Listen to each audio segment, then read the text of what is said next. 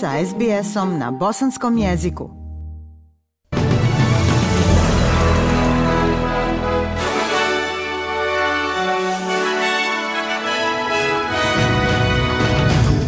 U današnjim vijestima poslušajte. Premijer poželio kralju Charlesu brzo poravak nakon dijagnoze raka. Savezna opozicija će objaviti podršku smanjenju poreza u trećoj fazi.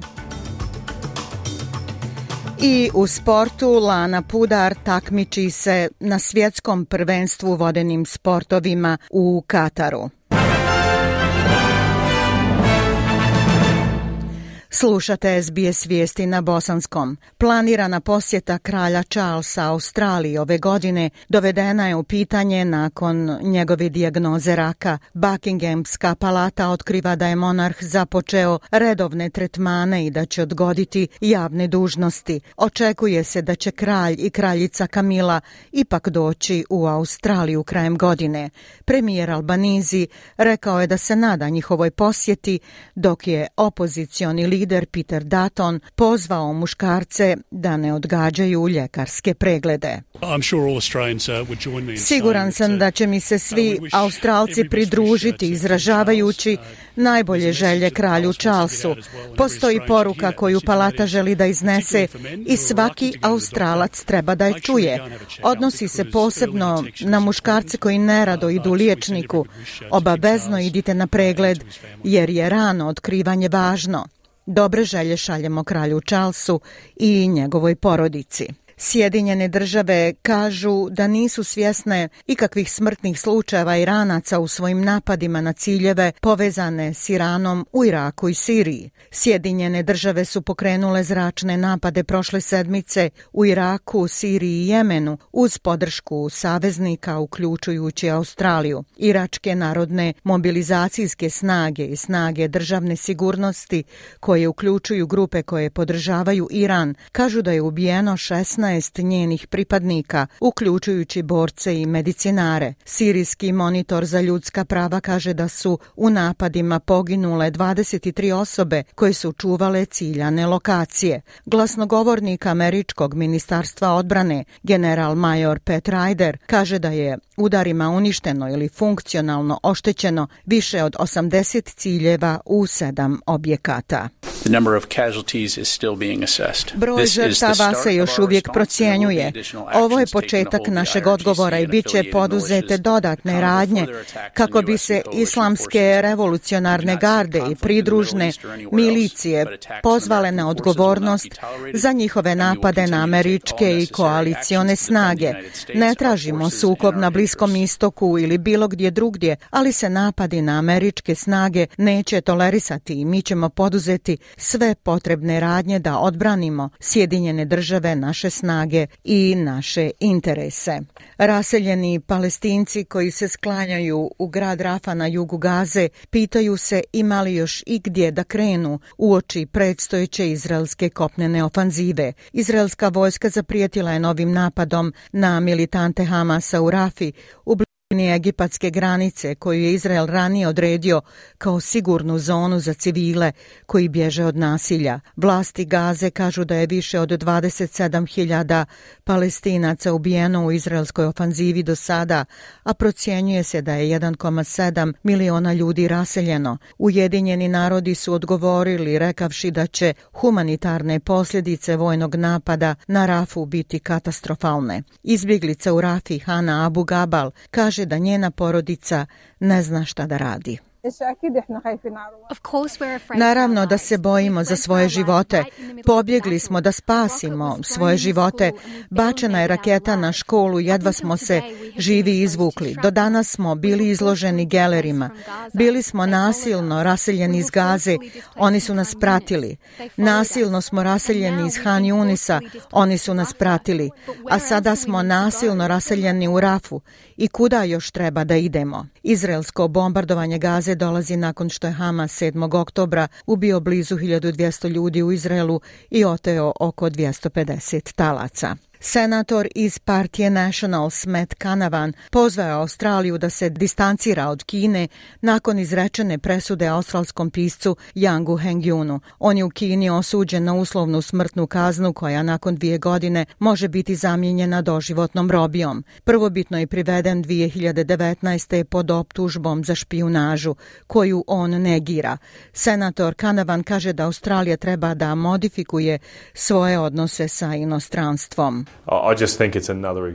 Mislim da je to još uh, jedan primjer da nismo uh, prijatelji s Kinom, da ne možete vjerovati Kini da posluje na pošten način. Želim da imamo što bolje odnose sa svim zemljama, uključujući Kinu, ali obzirom na status odnosa s Kinom, moramo razvijati druge odnose kako bismo zaštitili našu zemlju i naše nacionalne interese. Premijer Albanizi kaže da Australija čvrsto stoji na tom pitanju. Uh, Mi smo vrlo jasno rekli da ćemo sarađivati s Kinom gdje god možemo, ali nećemo se slagati uvijek. Moramo se ne složiti s ovom oštrom akcijom Kine. To smo i učinili i nastavit ćemo to činiti. Moguće je da se otvara put vladinim izmjenjenim poreskim rezovima jer savezna opozicija signalizuje uslovnu podršku. Koalicija je dosljedno osuđivala vladu zbog kršenja predizbornog obećanja da će rezove ostaviti netaknutim, ali sada nakon sastanka opozicione vlade pretpostavlja se da će lider Peter Dutton objaviti njihovu podršku i priložene uslove. Predstoje strože kazne za trgovce uhvaćene u prodaji ilegalnih cigareta nakon što je u racijama širom Sidneja zapljenjena krijumčarena roba vrijedna više od milion dolara. Ministar zdravstva Ryan Park rekao je da je vlada Novog Južnog Velsa odlučna da učini što je moguće težim pristup vejpovima, to jest električnim cigaretama. U državi je već ilegalno prodavati nikotinski vejp bez recepta osobama mlađim od 18 godina. Očekuje se da će dalje promjene u martu zabraniti uvoz neterapeutskim vejpovima. Stanovnici čileanske pacifičke obale bore se da shvate vatrenu stihiju u kojoj su poginule 122 osobe, a najmanje 190 se još uvijek vodi kao nestalo samo u Vina del Maru. Ekipe hitne pomoći dalje pronalazi tijela zakopana u Valparaisu i Vina del Maru. Jacqueline Atenas je pobjegla od požara samo s rancem i sada istražuje izgorjele ostatke svoje kuće u Vina del Mar. Gorilo je kao da je neko bacao benzin na kuće. Ne razumijem šta se dogodilo. Bilo je puno vjetra i velikih vatrenih kugli koje su letjele. Zamjenik ministra unutrašnjih poslova Manuel Monsalve rekao je da bi niže temperature u narednim danima mogle pomoći vatrogascima i vojsci da preuzmu kontrolu nad preko 150 šumskih požara koji još uvijek bjesne.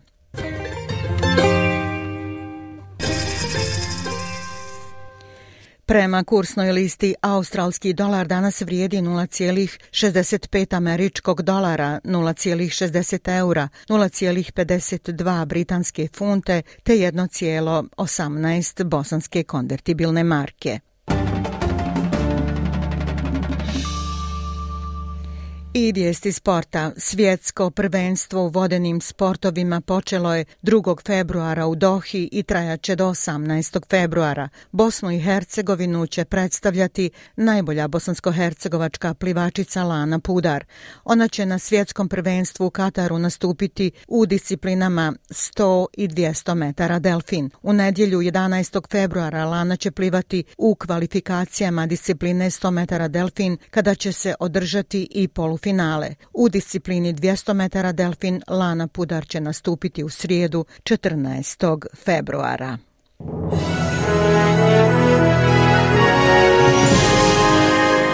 I za kraj vijesti poslušajte temperaturne vrijednosti u većim gradovima u Australiji. U Pertu sunčano 32, u Adelaidu oblačno 25, u Melbourneu 21, u Hobartu također 21, u Sidneju pljuskovi 27, u Brisbaneu oblačno 33 i u Darwinu sunčano 33 stepena Celzijusa. Bile su ovo vijesti SBS-a na bosanskom jeziku. Ja sam Aisha Hadžija Ahmetović. Ostanite i dalje s nama.